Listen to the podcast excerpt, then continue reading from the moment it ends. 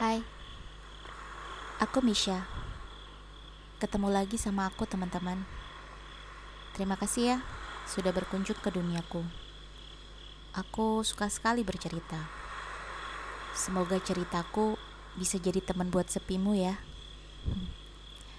Kali ini aku akan melanjutkan bercerita tentang rumah hantu di perkebunan karet part 5. Cerita ini pertama kali ku dengar dari sebuah akun Twitter at. Buat kamu yang pengen support dia, akun Bri sudah aku sertakan di deskripsi ya.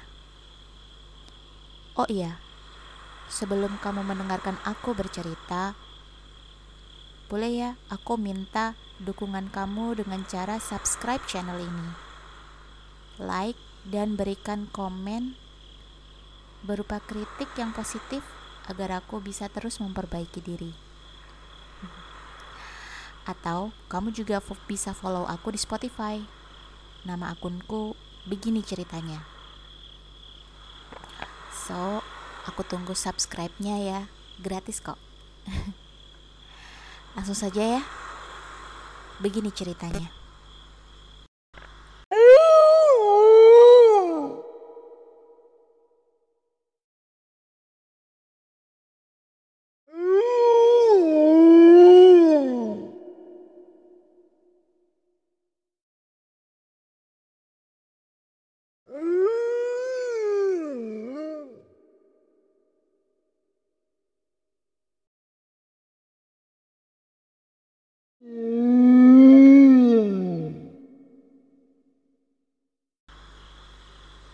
Sore itu, Wahyu berlari tergopoh-gopoh ke arahku yang sedang duduk di bawah salah satu pohon karet.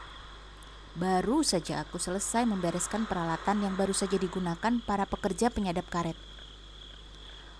Pak, ada orang meninggal di sungai belakang, ucap Wahyu sambil tersengal-sengal.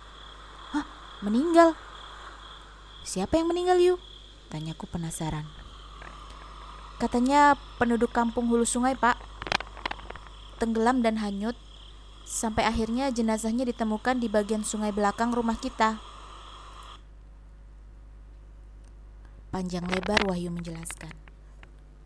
Lalu kami pun bergegas berjalan menuju bagian sungai yang dimaksud oleh Wahyu. Setelah melewati pepohonan bambu yang cukup luas, akhirnya kami sampai di tujuan.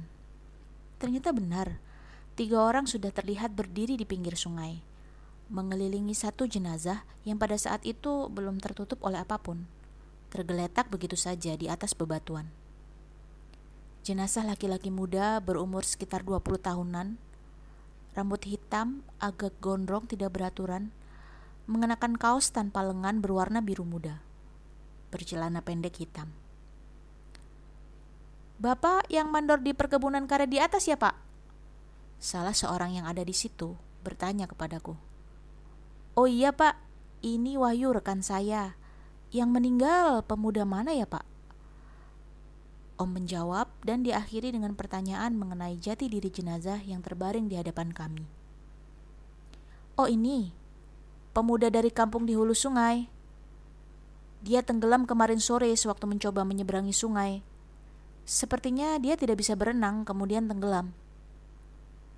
Sejak kemarin sore juga kami mencarinya, berjalan mengikuti aliran sungai. Akhirnya, kami menemukannya di sini. Bapak itu menjelaskan semuanya. Mereka bertiga hanya diam berdiri dan sesekali memandangi jenazah yang ada di depannya. Wahyu, coba kamu ambil kain atau selimut di rumah Wahyu untuk menutupi jenazahnya. Oh iya pak. Wahyu berlari kecil pulang ke rumah. Sementara aku bersama bapak-bapak itu tetap berdiri mengelilingi jenazah yang sudah tampak pucat memutih itu. Terus nanti jenazahnya akan langsung dibawa pulang kan pak? Tanyaku memastikan. Oh iya, kami akan langsung membawanya pulang karena keluarganya sudah menunggu di rumah. Salah satu bapak yang ada di situ menjawab.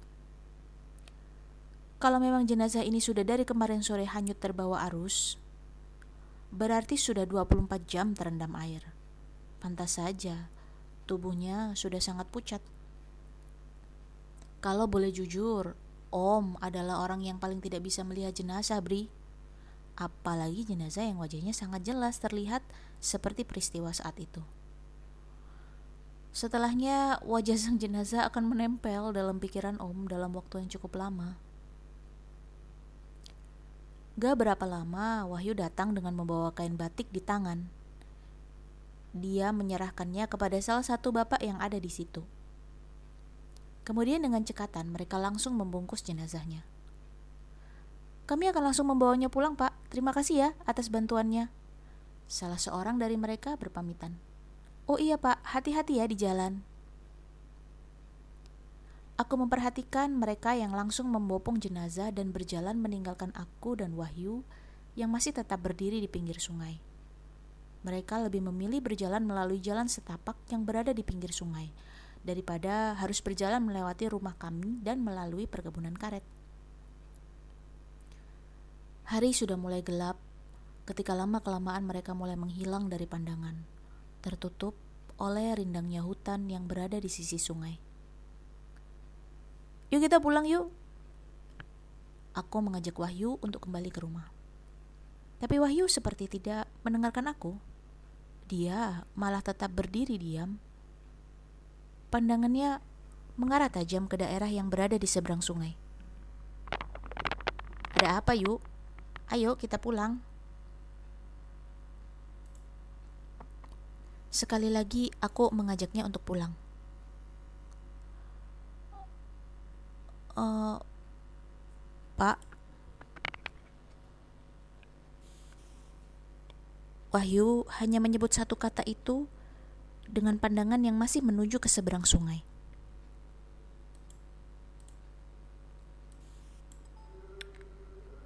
penasaran dengan apa yang Wahyu lihat. Akhirnya aku ikut menoleh ke tempat yang dilihat olehnya ke seberang sungai. Hari sudah mulai gelap. Keadaan sudah sangat sepi. Tapi dari kejauhan, akhirnya aku dapat melihat apa yang sudah menarik perhatian Wahyu sejak tadi.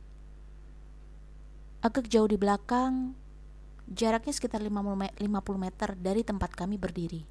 Di bawah rindangnya pepohonan, ada beberapa sosok yang sedang berdiri diam, berdiri menghadap ke arah kami. Terlihat ada sekitar 5 sampai 6 sosok yang sepertinya laki-laki mengenakan pakaian serba hitam, nyaris berbentuk seperti hanya bayangan hitam.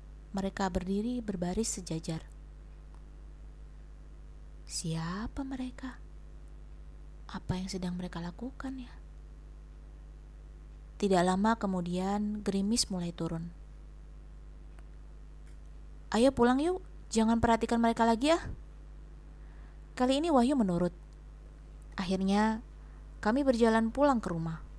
Tanpa sekalipun menoleh ke arah belakang, melihat ke arah sosok-sosok itu yang tengah berdiri di seberang sungai. Sosok yang selalu berpakaian serba hitam berjumlah sekitar lima atau enam orang, terkadang malah lebih.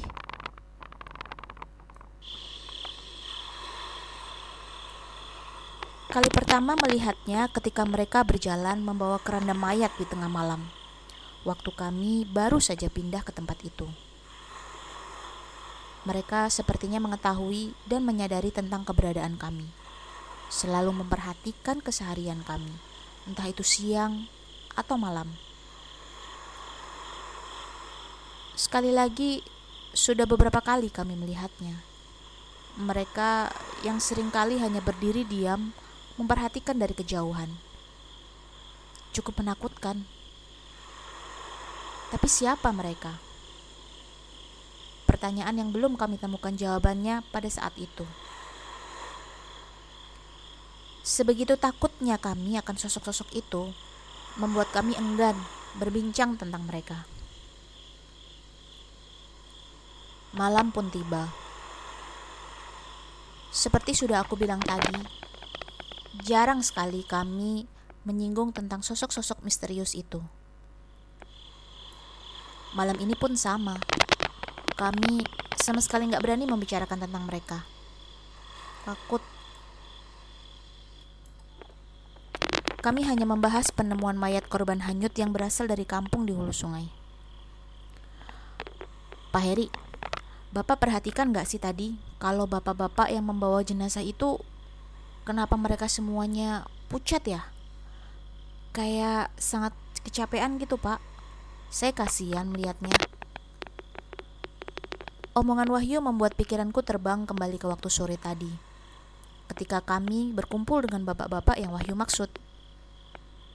Ternyata iya, setelah diingat-ingat lagi, aku baru sadar kalau ternyata mereka semua terlihat pucat. Mungkin benar kata Wahyu, mungkin akibat dari kelelahan setelah berjalan sehari semalam menyusuri sungai karena mencari uh, kerabatnya yang tenggelam. Iya yuk, ya mungkin mereka kecapean. Jam dinding berbentuk bulat dan cukup besar yang menempel di tembok sebelah kanan ruang tengah sudah menunjukkan pukul 10 malam lewat sedikit.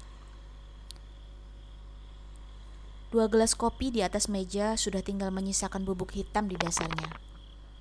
Bahan perbincangan kami pun sudah semakin sedikit. Hanya radio di atas meja yang masih setia mengisi keheningan malam di dalam rumah, di tengah hutan dan perkebunan karet itu. Radio yang beberapa waktu sebelumnya sempat menyiarkan acara yang cukup aneh dan menakutkan. Saat itu stasiun radio kegemaran kami sedang menyiarkan siaran berita daerah. Siaran yang mengabarkan tentang peristiwa-peristiwa yang terjadi pada daerah tingkat provinsi yang kami tinggali. Hingga pada akhirnya, radio memberitakan hal yang menarik perhatian kami. Penyiar memberitakan kabar duka, menceritakan kalau telah terjadi peristiwa yang cukup mengenaskan. Ada empat orang laki-laki yang meninggal tenggelam di salah satu sungai, dan jasadnya hanyut terbawa arus. Ketika sang penyiar menyebutkan nama sungainya, ternyata itu sungai yang dimaksud adalah sungai yang mengalir di belakang rumah. Aku dan Wahyu semakin mendekatkan telinga ke radio, merubah posisi duduk agar dapat mendengarkan dengan lebih seksama. Sepertinya ini berita tentang jenazah yang tadi sore, Pak. Wahyu menegaskan. Penyiarnya juga bilang kalau ternyata keempat jenazahnya sudah ditemukan pada pagi hari tadi, ditemukan di anak sungai yang melintasi salah satu desa yang ada di hilir. Yang cukup mengherankan, ternyata desa yang dimaksud oleh penyiar adalah desa yang letaknya lebih jauh ke hilir sungai, lebih jauh dari anak sungai yang mengalir di belakang rumah. Jadi, jika berpatokan dengan berita di radio, keempat jenazah yang hanyut ditemukan bukan di sungai belakang rumah, tapi masih jauh sekali ke hilir. Lalu, bapak-bapak yang kami temui tadi sore itu siapa ya? Apakah ini peristiwa yang berbeda atau sama atau gimana? Entahlah. Saat itu kami nggak tahu dan ya sedikitnya nggak mau tahu. Pak, saya ke kamar mandi dulu ya. Sudah jam 11 malam ketika Wahyu pamit untuk ke belakang. Om masih tetap duduk di ruang tengah sambil terus mendengarkan siaran radio. Volumenya sudah tidak terlalu keras, tetapi masih dapat terdengar. Sementara keadaan di luar rumah sangat sepi. Gerimis rintik hujan terdengar mulai turun. Tetesan airnya berdetik jatuh di atap rumah. Membuat udara menjadi semakin dingin menusuk tulang. Tapi tiba-tiba, samar-samar aku mendengar sesuatu. Terdengar seperti ketukan pintu. Pintu di depan rumah. Aku langsung mematikan radio dan mencoba lebih meyakinkan pendengaran lagi kalau yang terdengar memang benar-benar suara ketukan pintu.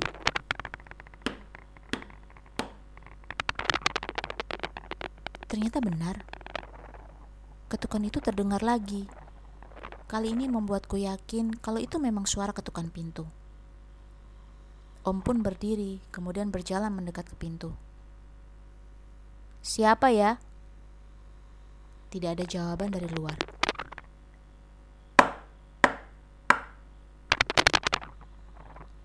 Pintu diketuk dari luar sekali lagi. Karena tidak ada jawaban, Om mendekat ke jendela yang berada di samping pintu. meraih tirainya dan menggesernya sedikit. Melalui celah jendela, aku mengintip keluar, mencari tahu siapa sih yang mengetuk pintu. Setelah celah yang terbuka sudah cukup besar, aku akhirnya melihat sesuatu. Walaupun keadaan di luar terbilang sangat gelap, aku masih dapat melihat kalau ada dua orang yang sedang berdiri di depan pintu. Aku dapat mengenali orang yang berdiri di depan, karena itu adalah bapak yang aku temui tadi sore di sungai belakang. Bapak yang paling banyak menjelaskan. Aku mengenali wajahnya.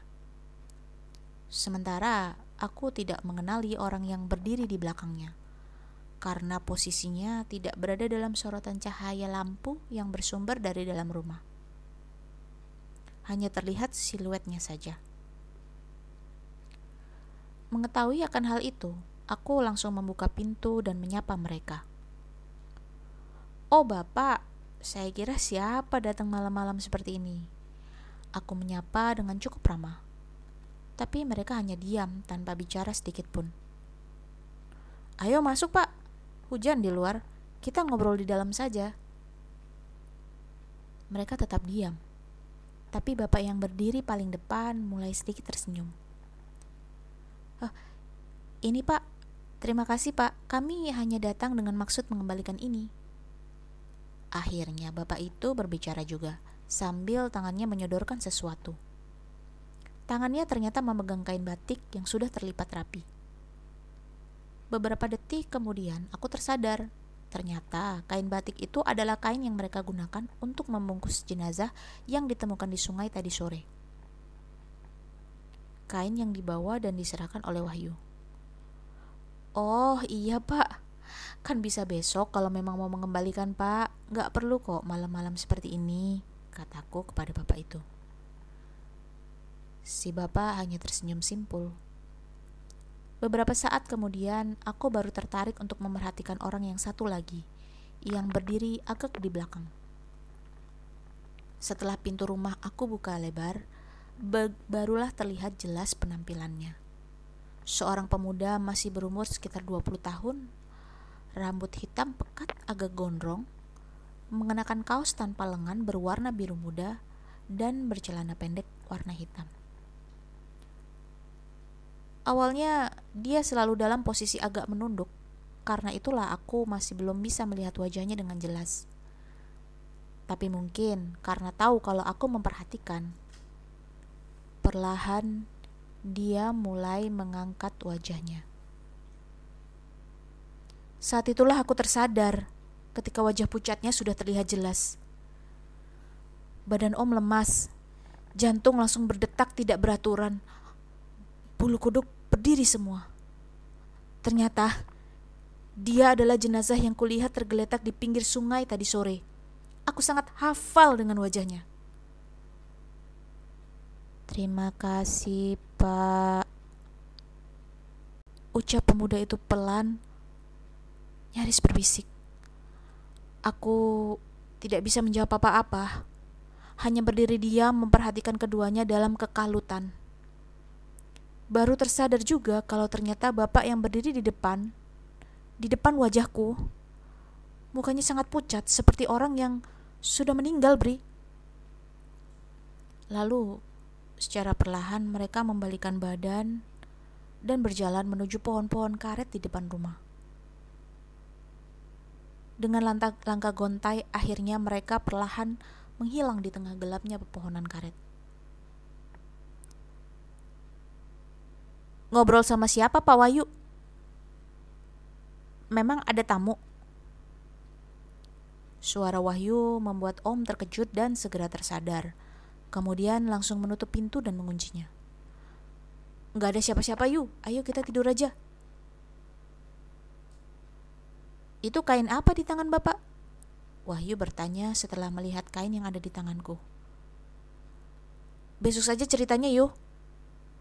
Aku segera meletakkan begitu saja kain batik itu di atas meja. Setelahnya, kami langsung masuk ke dalam kamar. Ada apa sih, Pak? Di dalam kamar, Wahyu tetap saja penasaran, terus memaksaku untuk menceritakan apa yang sedang terjadi ketika dia ada di kamar mandi. Besok saja yuk. Aku bersikukuh tidak mau untuk menceritakan apa pun. Sementara itu, suasana di luar mulai terasa sangat mencekam. Gerimis hujan masih turun terdengar. Tapi selain itu sama sekali nggak ada suara. Hanya sesekali terdengar dahan-dahan pohon karet bersinggungan satu sama lain karena tertiup angin. Jam sudah hampir di pukul satu tengah malam. Sementara kami masih terhanyut dalam lamunan masing-masing, masih terjaga sambil terus berharap rasa kantuk akan segera datang. Tadi ketika kamu di kamar mandi, ada dua orang yang datang, Yu. Akhirnya, aku memutuskan untuk menceritakan kejadian yang baru saja aku alami. Hah? Siapa yang datang, Pak? Ada perlu apa datangnya malam-malam? Mereka datang untuk mengembalikan kain yang kamu ambil dari rumah tadi, kain batik untuk menyelimuti jenazah, jawabku. Oh, bapak yang mana yang datang, Pak? Kenapa malam-malam begini ya datangnya? Wahyu terus mencecarku dengan pertanyaan. Aku cukup lama terdiam, bingung untuk menjawabnya karena aku yakin kalau salah satu dari dua orang itu adalah jenazah yang kami lihat tergeletak di pinggir sungai. Hmm, yang satu adalah bapak yang paling sering bicara itu loh Yu, jawabku pendek. Oh, oh, terus satunya lagi pak? Wahyu terus mengejarku dengan pertanyaan. Aku sempat menarik nafas panjang sebelum akhirnya memutuskan akan menceritakan semuanya kepada Wahyu saat itu juga.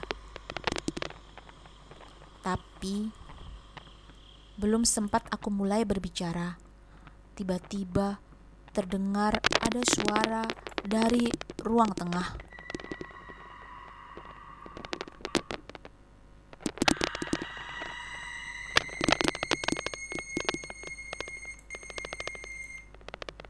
Kita dengarkan berita daerah bersama saya. Radio di ruang tengah hidup dengan sendirinya, menyiarkan siaran berita daerah. Kami hanya terdiam dan berpandangan ketika mendengar radio menyiarkan berita yang sudah kami dengar sebelumnya, yaitu berita tentang meninggalnya empat warga yang tenggelam di sungai. Kami terus terdiam mendengarkan suara radio. Oh, biar saya matikan radio itu, Pak. Sekalian saya mau matikan lampu petromaknya juga. Wahyu terlihat ingin memaksa dirinya untuk mematikan radio meski dalam ketakutan. Om mengerti kok kalau dia takut.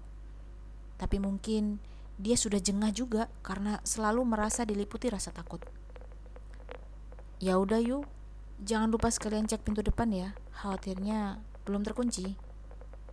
Iya pak. Lalu Wahyu berdiri dan berjalan menuju pintu.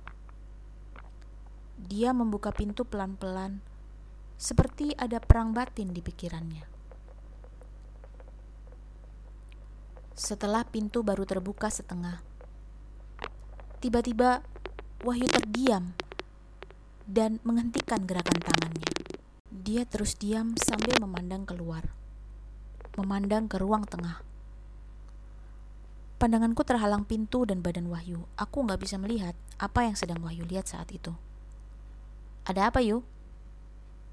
Wahyu tidak menjawab, hanya diam dan terus berdiri memandangi ruang tengah. Kemudian dia menutup pintu secara perlahan. Setelah itu kami duduk bersebelahan menghadap ke pintu kamar, bersandar pada tembok yang berjendela. Yuk, ada apa? Kembali aku keluarkan pertanyaan yang sama. Wajah Wahyu pucat pasi badannya gemetar.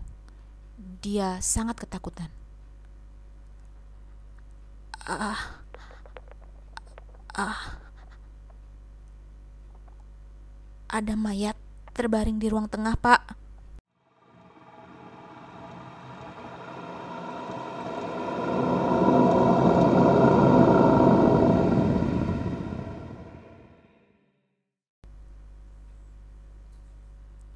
Wahyu menjawab dengan suara yang nyaris berbisik. Suaranya bergetar layaknya orang yang sangat ketakutan. Aku hanya bisa terdiam mendengarnya, tanpa berani melanjutkan dengan pertanyaan yang lain. Kami tetap dalam posisi bersandar di tembok, tidak melepaskan pandangan sedikit pun dari pintu kamar. Jantung kami berdetak kencang, napas gemetar tak beraturan ketika tiba-tiba pintu kamar mulai bergeser terbuka. Ada yang mendorongnya dari luar. Suara engsel pintu yang bergeser itu terdengar pelan namun jelas. Sedikit demi sedikit, situasi di ruang tengah mulai terlihat. Situasi yang akan sangat terlihat jelas karena lampu petromak yang masih dalam keadaan menyala. Sementara itu, suara siaran radio tetap terdengar mengiringi peristiwa yang sangat mengerikan itu.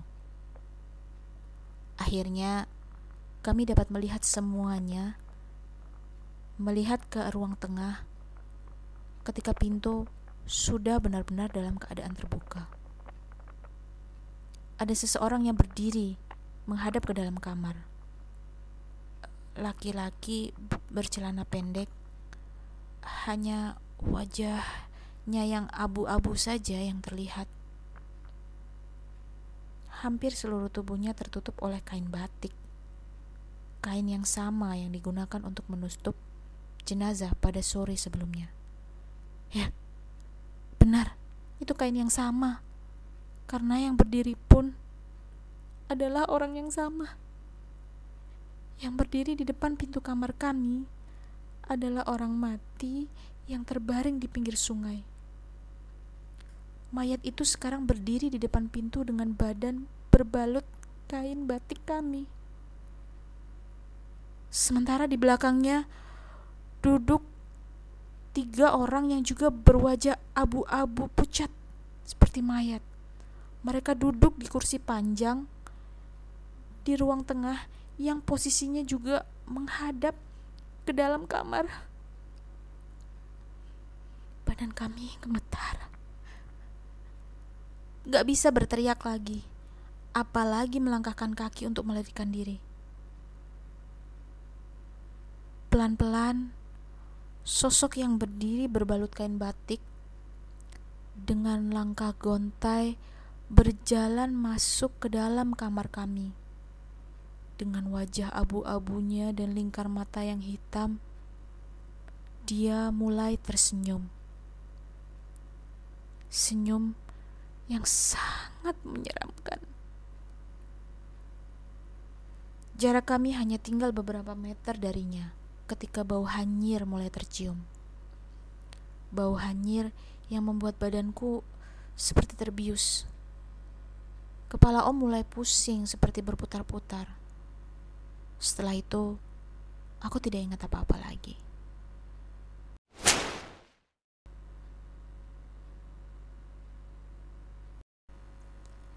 Hai teman-teman, ketemu lagi sama Misha. Gimana? Makin seru ya?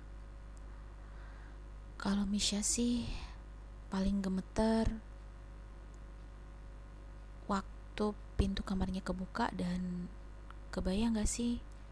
Ngelihat ada orang asing di rumah. Eh mana rumah kamu itu? Di tengah hutan. Dan kamu tahu pasti bahwa orang itu adalah orang yang kamu temui tadi sore dan dia sudah sudah mati. Oke teman-teman. Biar Misha makin semangat membacakan cerita ini buat kamu Subscribe channel Misha ya Begini ceritanya. Beri aku likes dan kasih Misha komen yang positif ya. Kasih Misha saran gimana caranya Misha memperbaiki diri biar cerita yang Misha bacakan bisa enak terdengar di telinga kamu. Atau kamu bisa juga follow aku di Spotify. Nama akunku begini ceritanya. Oh iya, Misha juga mengadakan giveaway loh di Instagram kamu follow ya Instagramnya di Begini ceritanya .id. Lumayan loh hadiahnya. Ikut aja giveaway-nya, siapa tahu kamu menang. Gratis kok, dan ongkir juga ditanggung sama Misha. Link Instagram Misha aku sertakan di video ini ya. Oke, sampai jumpa. Stay safe, tetap aman, dan jangan menoleh ke belakang.